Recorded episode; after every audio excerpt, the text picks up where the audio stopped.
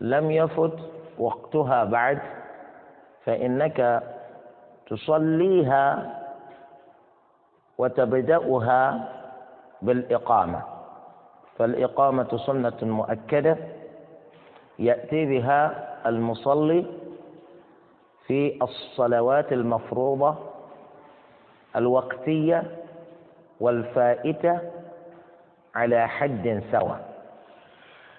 وسواء أكان الذي أراد أن يصلي منفردا أو كانوا جماعة فإنهم أعني المنفرد والجماعة يبدأون صلواتهم بالإقامة. الذي يريد أن يصلي وحده يبدأ صلاته بالإقامة. والذين يريدون أن يصلوا جماعة يبدأون صلاتهم أيضا بالإقامة. إلا أن الفرق بين المنفرد والجماعة في شأن الإقامة أن المنفرد هو الذي يقيم لنفسه وأما الجماعة فإنه يقوم بالإقامة أحدهم يقوم بالإقامة أحدهم. ليسوا جميعا مطلوبين بأداء الإقامة فردا فردا. فإنما يكفي أن يقيم أحدهم وإقامته لهم تغني. إقامة الفرد تغني الجماعة. يقول والجماعة للرجال والنساء. الجماعة لا يخلو من أن يكون الذين يريدون أن يصلوا جماعة رجالا فقط. فإذا كانوا رجالا فقط فإنهم يقيمون. من غير خلاف نعلمه بين الفقهاء. وإذا كان الذين يريدون أن يصلوا جماعة رجال ونساء فإنهم يقيمون كذلك. أما إذا كانت الجماعة جماعة نساء فهذا الذي فيه قولان للفقهاء.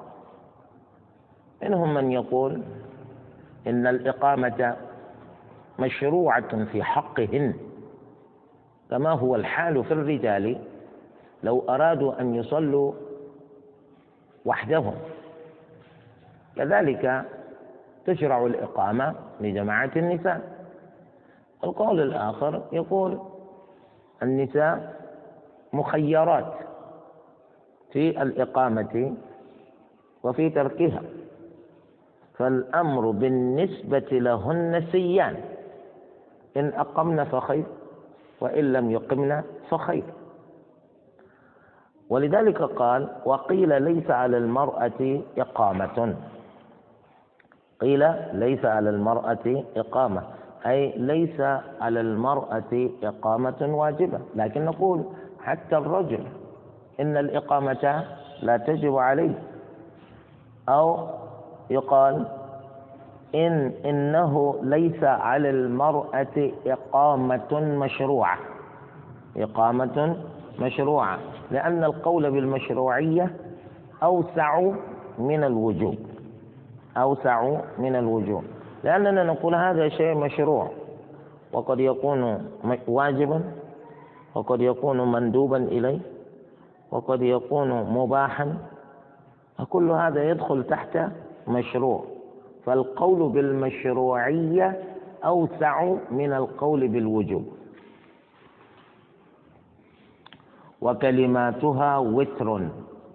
أي إذا أراد الإنسان أن يقيم فإنه يوترها يوتر إقامته بخلاف الأذان. فإن الأذان يثنى أما الإقامة فتوتر. الإقامة توتر والأذان يثنى. بمعنى أنت إذا أذنت فإنك تأتي بكل جملة من الجمل التي في الأذان تأتي بها مرتين مرتين. وهناك خلاف في الله أكبر الذي في أول الأذان هل تأتي به مرتين أو أربع مرات؟ لكنهم من حيث الجملة يقولون بأن الأذان يثنى. تأتي بكل جملة مرتين. أما الإقامة فإنك تأتي بكل جملة من جملها مرة مرة. ولذلك قال وكلماتها وتر أي كل كلمة في الإقامة المطلوب منك أن تأتي بها مرة واحدة إلا التكبير. فإنك في أول الإقامة تكبر مرتين تثني التكبير. الله أكبر الله أكبر. كما في الأذان عند المالكية. الله أكبر الله أكبر. أشهد أن لا إله إلا الله. أشهد أن محمد رسول الله. حي على الصلاة. حي على الفلاح. قد قامت الصلاة. الله أكبر الله أكبر لا إله إلا الله. هكذا تكون الإقامة على المذهب المالكي. فإنك توتر كلمات الإقامة عند المالكية وإنما تثني التكبير في بداية الإقامة وفي نهايتها. تثني التكبير في البداية والنهاية. وعددها في المذهب عدد كلمات الإقامة. في المذهب المالكي عشر كلمات. الله أكبر الله أكبر. أشهد أن لا إله إلا الله. أشهد أن محمد رسول الله. حي على الصلاة حي على الفلاح. قد قامت الصلاة. الله أكبر الله أكبر. لا إله إلا الله.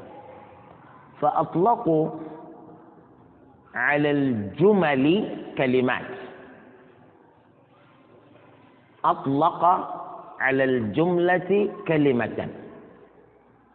وهذا سائغ في اللغة العربية فإننا نطلق الكلمة ونريد بها الجملة. نطلق الكلمة ونريد بها الجملة. نقول والآن نستمع إلى كلمة الطلاب من الطالب فلان ابن فلان. نستمع إلى كلمة الطلاب من الطالب فلان ابن فلان. وهذا الطالب إذا جاء ليلقي كلمة الطلاب فإنه قد يستمر في إلقاء تلك الكلمة نصف ساعة وهو لا يلقي إلا كلمة. إذا الكلمة تطلق ويراد بها الكلام. وهذا معروف في النحو أن وكلمة بها كلام قد يؤم. أي في اللغة العربية قد تطلق الكلمة ويراد بها الكلام كما قال ربنا عز وجل كلا إنها كلمة هو قائلها. لأنه يقول الكافر يوم القيامة قال رب ارجعون لعلي أعمل صالحا فيما تركت. كل هذا الكلام. رب ارجعون. ربي ارجعون. لعلي أعمل صالحا فيما تركت. ربنا يقول كلا لا نرجعه إنها كلمة. أه؟ رب ارجعون. لعلي أعمل صالحا فيما ترك إنها كلمة. هو قائلها. كل هذا الكلام يقول ربنا إنما هو كلمة. إذا ولذلك يقول ابن مالك وكلمة بها كلام قد يؤم أي قد تطلق الكلمة ويقصد بها الكلام. ويقصد بها الكلام. وهذا الذي آه، أعمله الإمام ابن جزي هنا.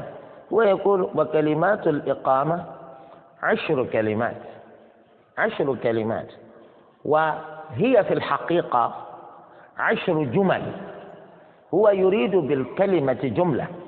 والجملة هي الكلام. الجملة هي الكلام. وإلا لو ذهبنا لو ذهبنا نعدد الكلمات التي في الإقامة وأعني بالإقامة هنا الإقامة على المذهب المالكي لوجدناها اثنتين وثلاثين كلمة. اثنتين وثلاثين كلمة. وهو يقول إنما هي عشر كلمات. وهو يريد بالكلمة جملة. فعدد الكلمات التي في الإقامة على المذهب المالكي اثنتان وثلاثون كلمة. اثنتان وثلاثون كلمة. وهو يقول ومذهب الشافعي وابن حنبل تثنية التكبير وقوله قد قامت الصلاة. أي في مذهب الشافعي والحنبلي يثنون التكبير في أول الإقامة. في نهاية الإقامة كما يثنون كلمة الإقامة. كلمة قد قامت الصلاة يقال لها كلمة الإقامة. ولذلك في صحيح البخاري يقول أمر بلال أن يثني الأذان أن يشفع الأذان ويوتر الإقامة إلا لفظ الإقامة. إلا لفظ الإقامة. لأن الإقامة أصلا إنما أطلق عليها اسم الإقامة من أجل قولك قد قامت الصلاة. الإقامة اكتسبت هذا الاسم من جملة قد قامت الصلاة. إذا كان ذلك كذلك في البخاري يقول أمر بلال أن يشفع الأذان ويوتر الإقامة إلا لفظ الإقامة. وأنت تفهم لفظ الإقامة بماذا؟ بقد قامت الصلاة. إذا في المذهب آه، مذهب كل من الشافعي وأحمد بن حنبل هؤلاء يثنون كلمة الإقامة. وبالتالي فكم عدد جمل الإقامة في مذهبيهما؟ هو يقول عدد الكلمات في الإقامة عند المذهب المالكي عشر كلمات. هؤلاء الآن أضافوا كلمة ولا لا؟ أضافوا كلمة على مصطلحه. إذا عدد الكلمات في إقامة الإمام الشافعي والإمام أحمد بن حنبل هو إحدى عشرة كلمة وقد فصلنا القول في أن الكلمات في الحقيقة عند عدها في إقامة المالكي هي في الحقيقة هي في الحقيقة اثنتان وثلاثون كلمة. اثنتان وثلاثون كلمة. فكم عددها في رأيك في المذهب الشافعي والحنبلي؟ عدد الكلمات في إقامة الشافعي وأحمد بن حنبل. وأحمد بن حنبل كم؟ قد قامت الصلاة. ثلاث كلمات. تضيف ثلاثة إلى اثنتين وثلاثين إذا خمس وثلاثون كلمة. خمس وثلاثون كلمة. والصواب إن شاء الله بين القولين اللذين لأصحاب هذه المذاهب الثلاثة الصواب ما ذهب إليه الشافعي وأحمد بن حنبل. لأن المالكية هم أخذوا بالإطلاق الذي في الحديث الذي يقول أمر بلال أن يشفع الأذان ويوتر الإقامة. فأعمل الإيثار في غير التكبير. أعمل الإيثار في كل كلمات الإقامة ما عدا التكبير. لأنهم يقولون في التكبير في البداية وفي النهاية يثنى. أما غير التكبير فيوتر لكن في المذهب الشافعي والحنبلي هم أعملوا هذا الحديث وأعملوا التفصيل الذي صحبه.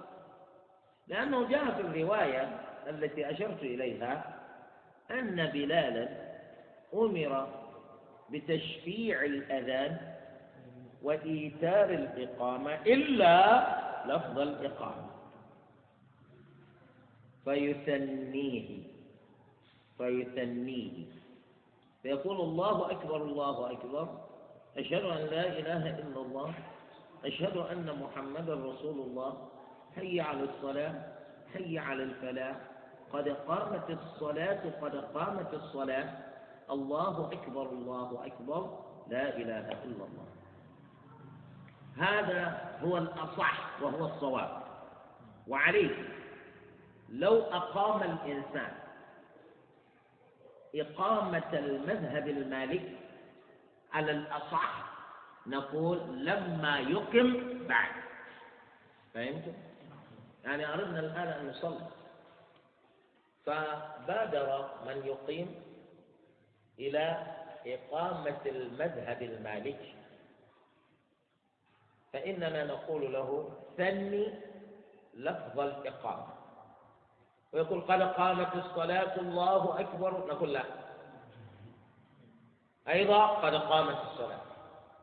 ثم تأتي ب الله أكبر الله أكبر. يقول لا أنا لا أفعل. نقول خلاص اسكت. غيره يقيم الصلاة. فهمتم؟ هذا هو الصواب. لأن الحق واحد لا يتعدد.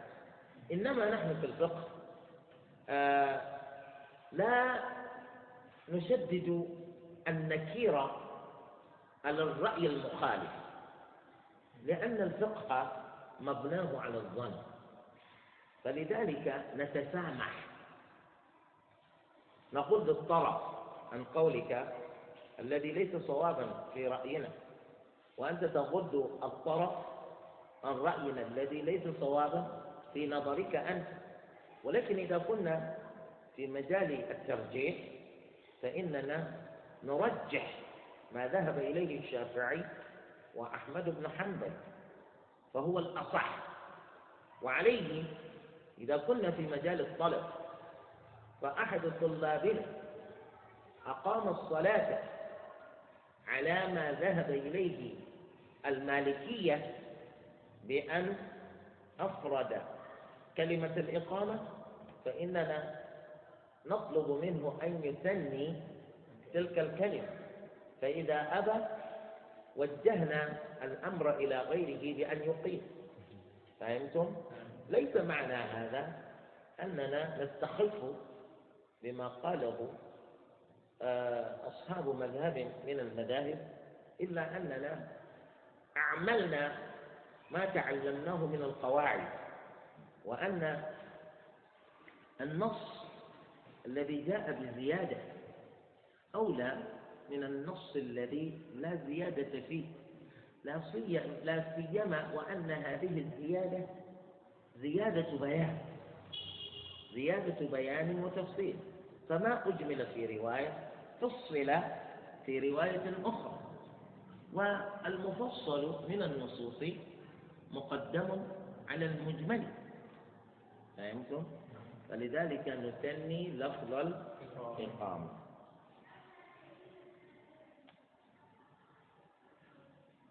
ومذهب أبي حنيفة تثنية جميع كلماتها مذهب أبي حنيفة؟ أنك إذا أردت أن تقيم فإنك تقيم كأنك تؤذن. فإنما الفرق بين الأذان والإقامة عند أبي حنيفة إضافة قد قامت الصلاة قد قامت الصلاة.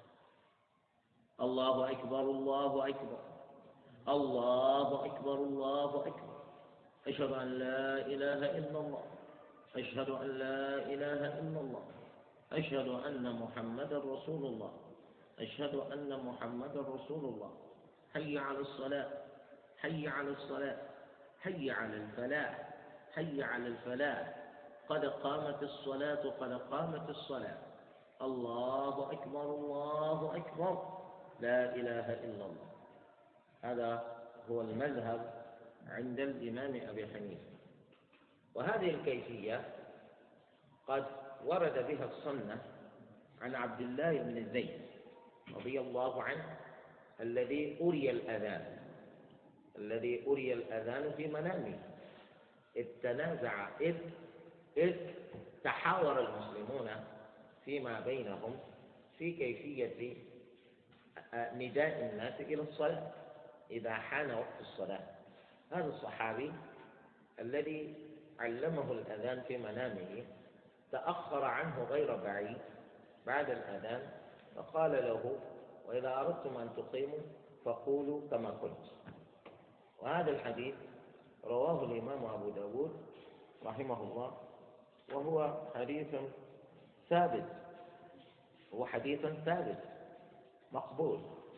فلأجل هذا ما ذهب إليه الإمام الإمام أبو حنيفة رحمه الله أيضا يجوز إعماله. يجوز إعماله في الإقامة وأشار شيخ الإسلام ابن تيمية رحمه الله في مجموع فتاويه إلى أن مثل هذه الألفاظ المتنوعة التي وردت في الأذان والتي وردت في الإقامة فإن من تمام السنة أن نعمل هذه الألفاظ تارة ونعمل هذه الألفاظ الأخرى تارة أخرى. هذا من تمام السنة. وليس من تمام السنة أن نتمسك ببعض تلك الألفاظ دون البعض الآخر. لا سيما وأن هذه الألفاظ ثابتة والألفاظ الأخرى أيضا ثابتة. ولكن إياك إياك والرياء. إياك والرياء. إذا أردت أن تأتي بهذه الكيفية التي اختارها الإمام أبو حنيفة لأن بعض الناس إنما يفعل يقوم بما يقوم به في الدين من أجل نيل إعجاب الناس ويريد من الناس أن يعجبوا به أن يقول ما شاء الله عالم. أنت دائما تأتي بجديد. لا نحن نعبد الله. نحن نعبد الله. فإذا فعلت شيئا غريبا لدى الناس الذي أنت بينهم فعليك أن تخلص نيتك لله. تعلم أني إنما أفعل هذا عبادة وأن التنويع من تمام السنة. وأن التنويع من تمام السنة. ولكن آه، تلاحظ أننا في الإقامة فإننا نسرع بخلاف الأذان. لا لا تأتي تمطط الإقامة تمطيطا بحيث إنك تؤخر الناس فوق اللازم. تقول الله أكبر. الله أكبر. الله أكبر. الله أكبر. أشهد أن لا إله إلا الله. أشهد أن لا إله إلا الله. يا أخي في الناس صاحب حال وفيهم ضعيف. ولأجل هذا أنت لا تضيع أوقات الناس. حتى إذا أردت أن تأتي بمثل قامة على صلاتها بالخلل ولا بالخدش لو تركت المرأة الإقامة تركها للإقامة لا يعيد صلاتها. لا يعيد صلاتها. فانتبه آه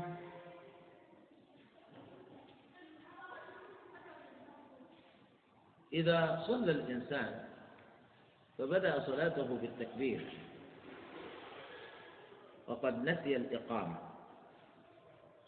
يستمر في صلاته ولا شيء عليه. يستمر في صلاته ولا شيء عليه.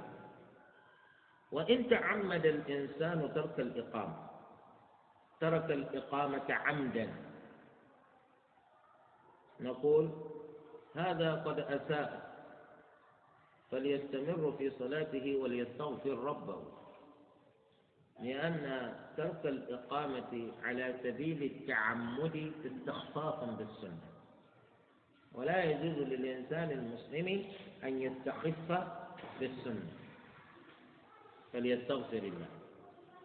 كيف يستغفر الله؟ يستغفر الله كما يستغفر الإنسان ربه. ثم إذا إذا أتم المؤذن الأذان فإنه لا يقيم بعده مباشرة. ينتظر قليلا.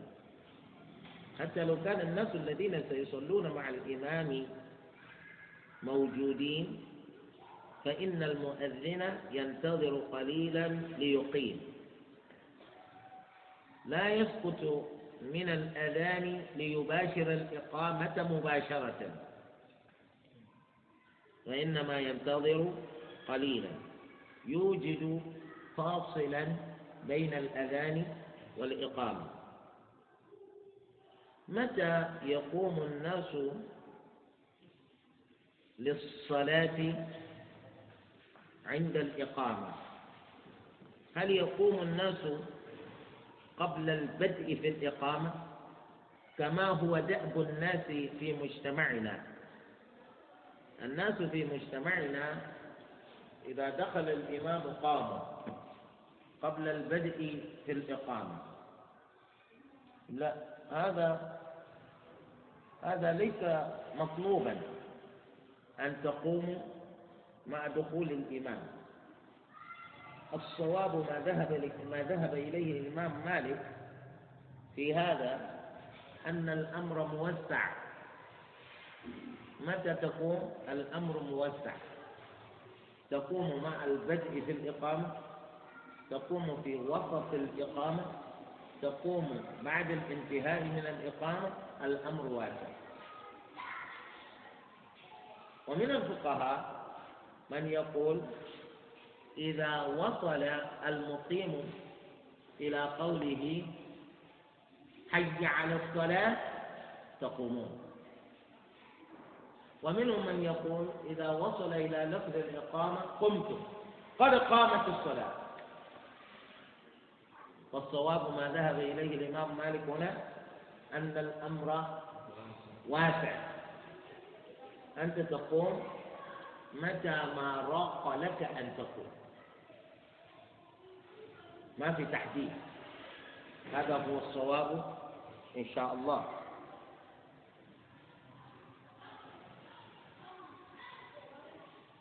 ومن أذن يجوز له أن يقيم؟ كما يجوز أن يؤذن زيد ويقيم عمرو. كل هذا يجوز في السنة. ليس من اللازم أن يكون المؤذن مقيما. قد يؤذن شخص ويقيم شخص آخر.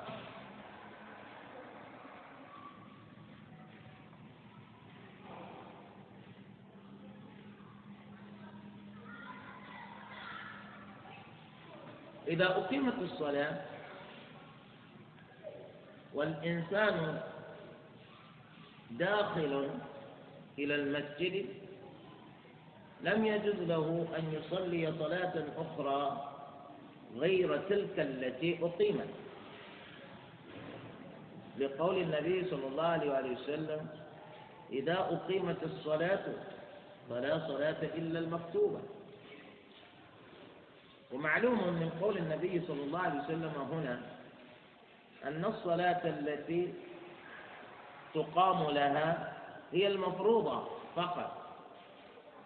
لا تقام للسنن ولا تقام للنوافل وإنما تقام للفرائض. ولذلك النبي صلى الله عليه وسلم إذا أقيمت الصلاة فلا صلاة إلا المكتوبة.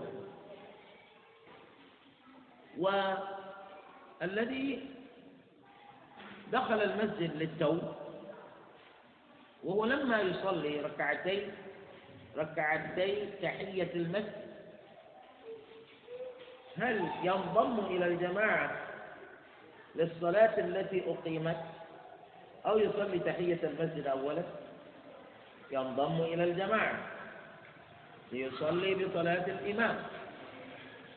ليصلي بصلاة الإمام. لأن تحية المسجد صلاة هي مقصودة لإحياء المسجد. صلاة مقصودة لإحياء المسجد. فإذا تم إحياء المسجد بغير تحية المسجد فالأمر مقبول. أنت أحييت المسجد بالصلاة التي أقيمت. انتهى. ولذلك إذا سلمت من الفريضة وأنت لم تصلي تحية المسجد إذ دخلت المسجد لا لا يقول لك أحد الآن تصلي تحية المسجد. لأن الصلاة التي قد أتيت بها تغني عن تحية المسجد. أما الذي أقيمت عليه الصلاة وهو في نافلة. فإن هذا ينظر في أمره. هل هو في الركعة الأولى أو في الركعة الأخيرة؟ أعني الثانية. إذا كان في الركعة الأولى قطع صلاته. لينضم إلى الجماعة. لعموم قول النبي صلى الله عليه وسلم إذا أقيمت الصلاة فلا صلاة إلا المكتوبة.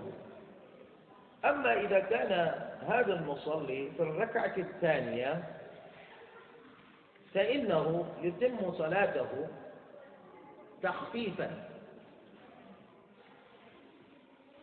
لا يسرع ليخل بصلاته. وإنما يتم صلاته تخفيفا.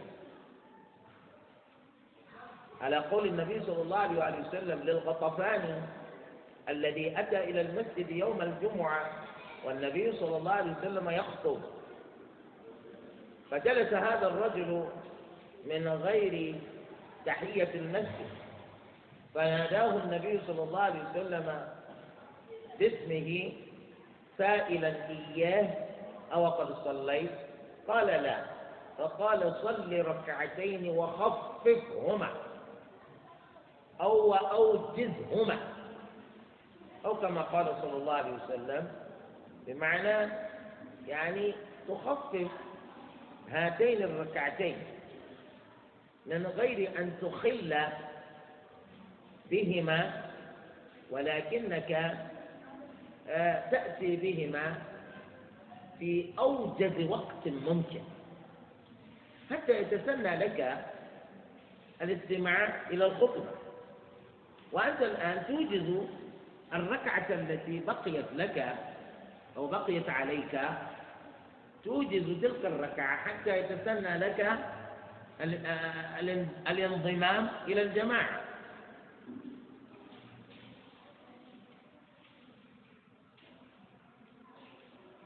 ولماذا ما قلنا له؟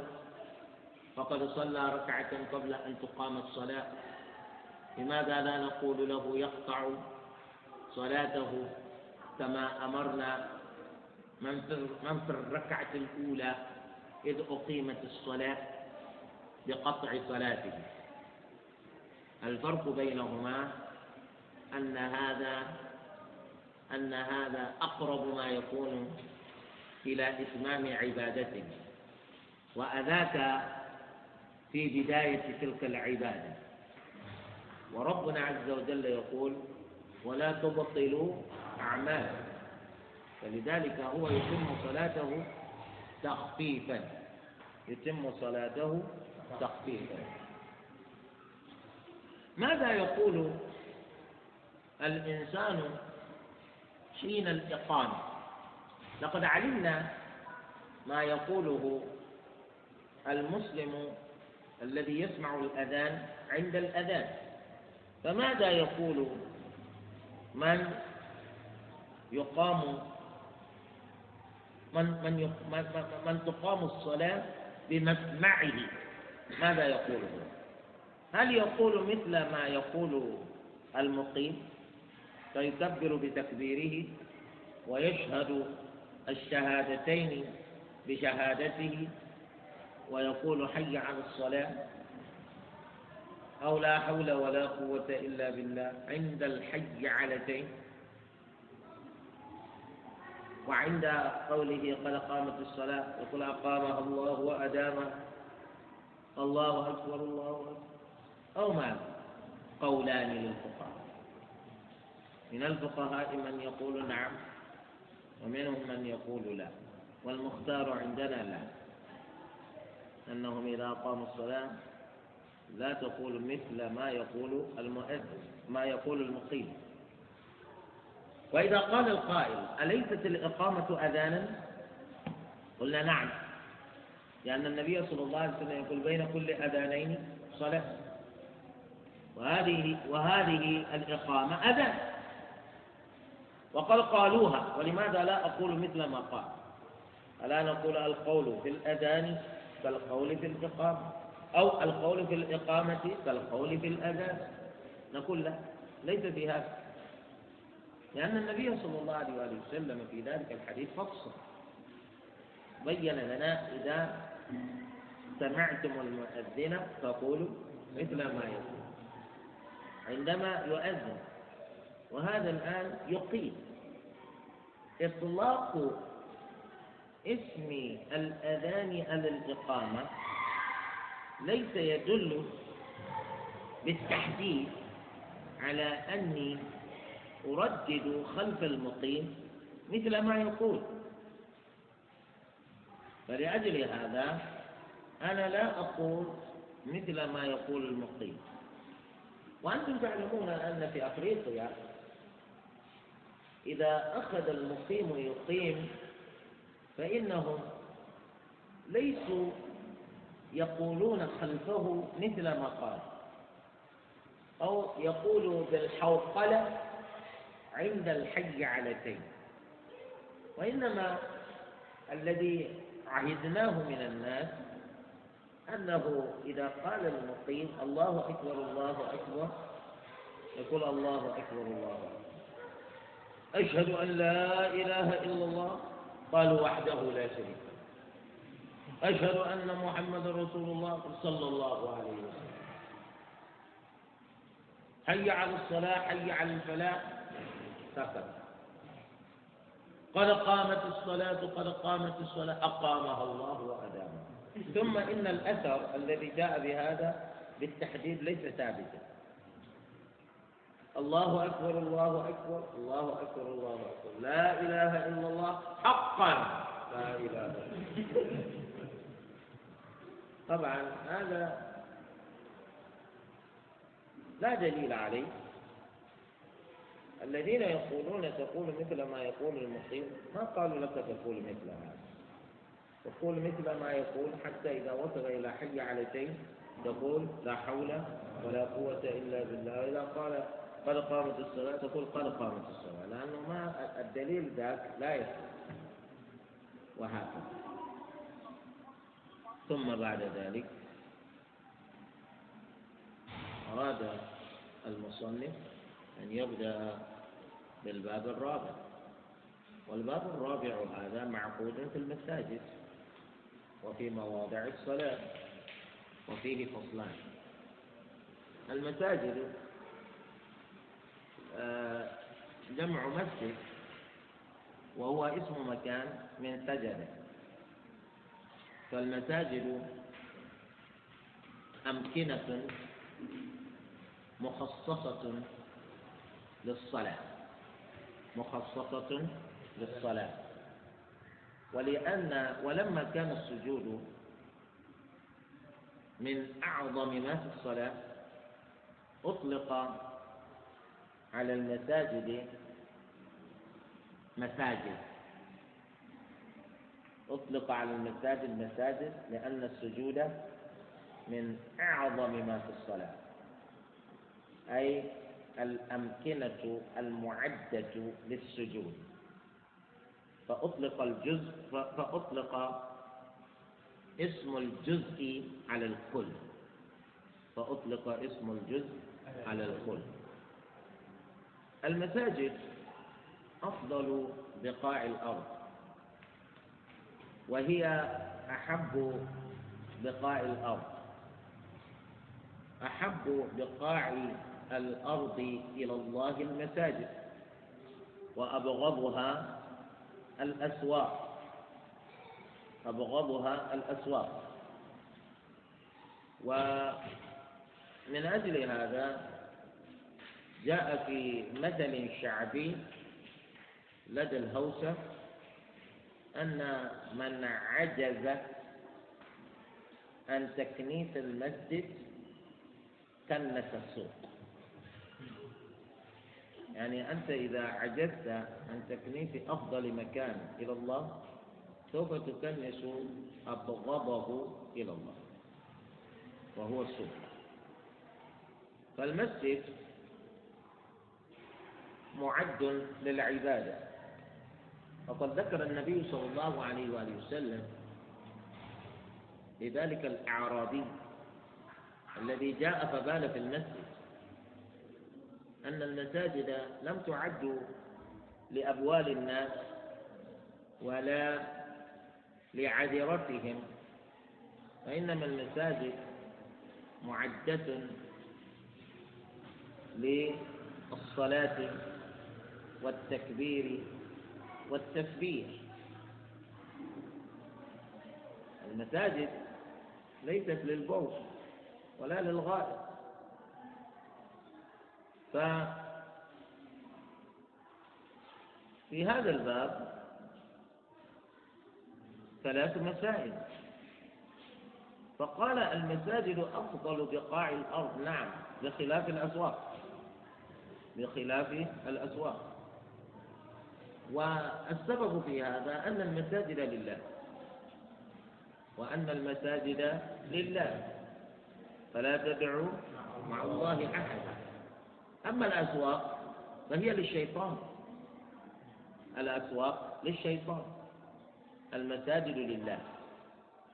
فأنت إذا وجدت في نفسك إذا إذا إذا كنت ممن يجد في نفسه ضيقا عند وجوده في المساجد ويجد في صدره انشراحا عند وجوده في الأسواق فليتهم إيمانه فليتهم إيمانه. المساجد أفضل بقاء الأرض. هذا من غير نزاع.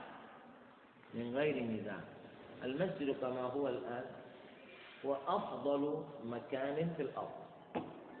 واحد ما يقول لي المسجد هذا أنتم في الحقيقة لم تغيروا لون جدرانه وأنتم في الحقيقة لم تجعلوا به السراميك وأنتم في الحقيقة لم تزينوه.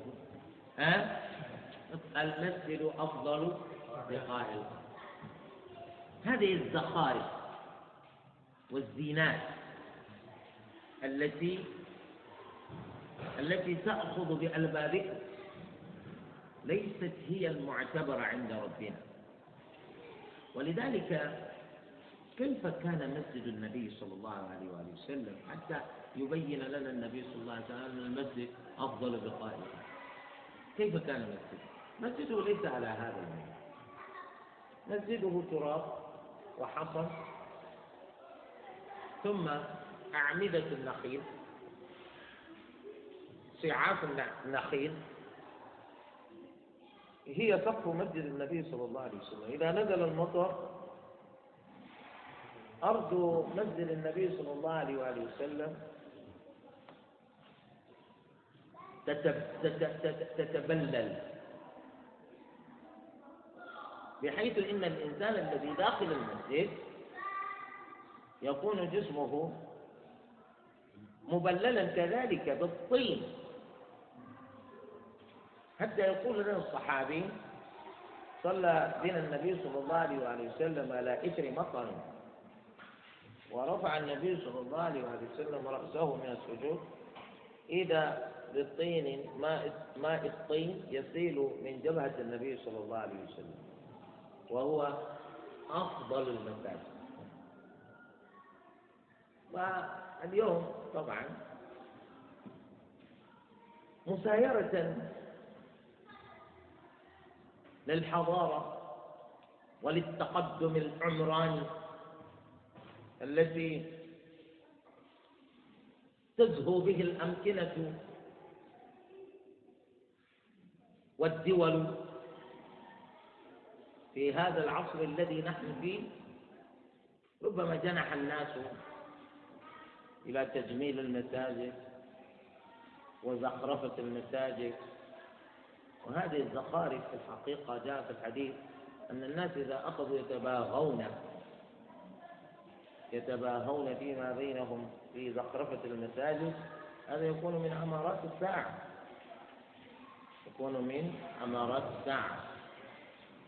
وأفضل المساجد مسجد المدينة والمسجد الحرام بمكة والمسجد الأقصى ببيت المقدس. لقول النبي صلى الله عليه وآله وسلم صلاة في مسجد هذا أفضل من ألف صلاة فيما سواه إلا المسجد الحرام. مما يدل على أن الصلاة في المسجد الحرام أفضل من الصلاة في مسجد النبي صلى الله عليه وسلم مئة مرة. مئة مرة. وجاء في حديث بين النبي صلى الله عليه وسلم فيه فضل الصلاة في المسجد الأقصى. وقد بين النبي صلى الله عليه وسلم في حديث آخر ثابت أنه لا يشد الرحال إلا إلى ثلاثة مساجد.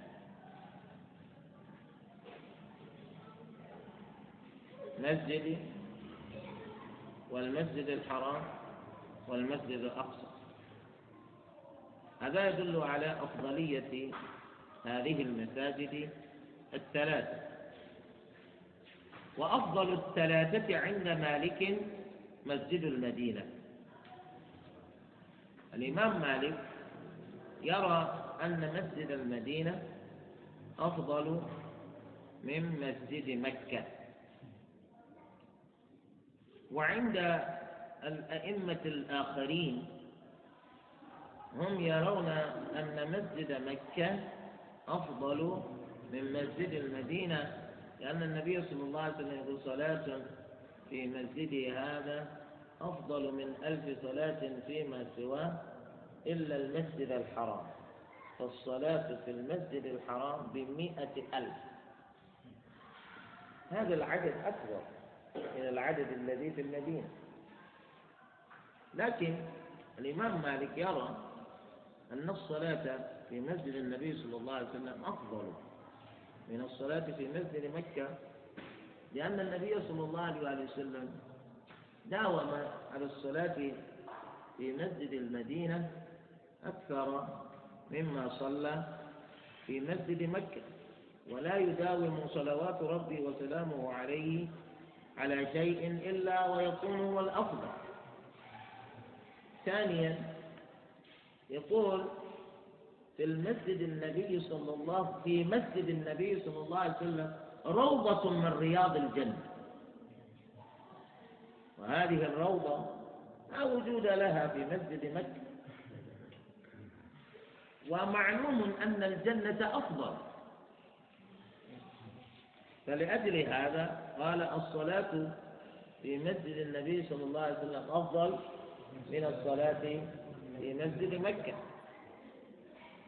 إلا أن الفقهاء الآخرين هم يقولون نعم كما قلت يا إمام مالك لكن النبي صلى الله عليه وسلم نفسه الذي قال الصلاة في المسجد الحرام أفضل من الصلاة في المسجد النبوي مئة مرة. أيهما نقدم؟ نقدم أفضلية الصلاة أو نقدم أفضلية القطعة التي داخل مسجد النبي. لأن النبي صلى الله عليه وسلم بقوله هذا لم يفرق بين الذي صلى في الروضة في مسجد النبي والذي صلى في غير الروضة ومن صلى في المسجد الحرام بمكة فمن صلى في المسجد الحرام بمكة في أي مكان من هذا المسجد فصلاته أفضل. ممن صلى بمسجد النبي صلى الله عليه وسلم وفي أي مكان داخل مسجد النبي صلى الله عليه وسلم. لا شك قول الآخرين أقوى.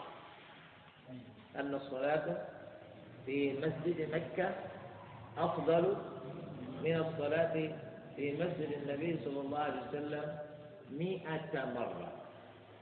وليس هذا الفضل في المسجد الحرام قاصرا على المسجد فقط في مكة وإنما هو فضل يعم الحرم كله. إنما هو فضل يعم الحرم كله. يعني لو صلى الإنسان بمكة خارج المسجد الحرام ولكنه إنما صلى داخل الحرم فهذا الفضل يثبت له. لقول الله عز وجل إنما المشركون نجس فلا يقربوا المسجد الحرام بعد عامهم هذا. إذا أراد المشرك أن يدخل الحرم المكي ولكنه يتحاشى الدخول إلى المسجد الحرام هل نتركه؟ لا نتركه. نقول القول في الحرم كالقول في المسجد الحرام فهمتم؟ فلذلك يقول العلماء من صلى بمكة داخل الحرم فإن صلاته بمئة ألف صلاة ولو خارج المسجد الحرام إلا أن الذي صلى داخل المسجد الحرام يكون تكون صلاته أفضل من صلاة من صلى خارج المسجد الحرام لأن فضل الصلاة تزيد بقدر ما يزيد عدد أفراد الجماعة الذين صلوا معك في تلك الصلاة. المسجد الحرام كم مليون مليونين. ثلاثة ملايين. أنت أنتم عشرة عشرون. ها؟ مئة بالأكثر مئتين ألف. لا يمكن أن نسوي بينكم وبين الذين صلوا في المسجد الحرام في كل وقت. في كل وقت. هذا هو. إذا أما في المدينة الفضل هذا قاصر على المسجد. لو صليت خارج المسجد ما لك هذا الفضل؟ ولذلك في المدينة أنت تحرص كل الحرص أن تصلي داخل المسجد.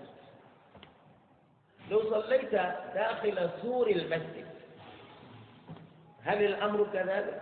ليس الأمر كذلك بالأصح. إلا إذا صليت داخل المسجد داخل المسجد. ولذلك يقول الفقهاء ها الآن فيه توسعة للمسجد النبوي. وسع المسجد. والمسجد هذا الآن صار أضعاف أضعاف ما كان عليه زمن الرسول صلى الله عليه وسلم. هل إذا صلينا في التوسعة كذلك؟ ننال ذلك الفضل؟ لأن النبي يقول صلاة في مسجدي هذا. واسم الإشارة في اللغة العربية يشار به إلى موجود. إذا كأن النبي صلى الله عليه كأن النبي صلى الله عليه وسلم يقول صلاة في مسجد هذا الموجود. أفضل من ألف صلاة فيما سواه. الآن وسع. صار أكبر من الموجود في ذلك اليوم. ولذلك الذين فهموا هذا الفهم من الفقهاء خاصة المالكية هم يقولون مسجد النبي الموجود في ذلك الوقت. ولذلك هم اليوم أيضا يكتبون على أعمدة المسجد يقولون حج مسجد النبي صلى الله عليه وسلم. تجد على الأعمدة التي يحددون بها حجم مسجد الرسول وقت الرسول يكتبون على جميع الأعمدة هذه حج مسجد النبي حج مسجد النبي حج مسجد النبي حج مسجد النبي حج مسجد النبي حج مسجد النبي حج مسجد النبي حج مسجد النبي. إذا البقية توسعة. وهذا وهذا الحج تجده في مقدمة في مكان وجود الإمام. بل المكان الذي يقوم عليه الإمام اليوم ليس من المسجد الذي بناه النبي. المكان الذي يصلي فيه النبي صلى الله عليه وسلم في ذلك الوقت تجدون محراب الرسول خلف محراب الإمام اليوم. وقد تجد ممكن خمسة أو أربعة صفوف. بين محراب الإمام اليوم ومحراب الرسول. هنا محراب الرسول وهنا وهناك بيت الرسول. ما بين بيتي ومنبري روضة من رياض الجنة. هنا روضة. الآن نجد أربعة صفوف.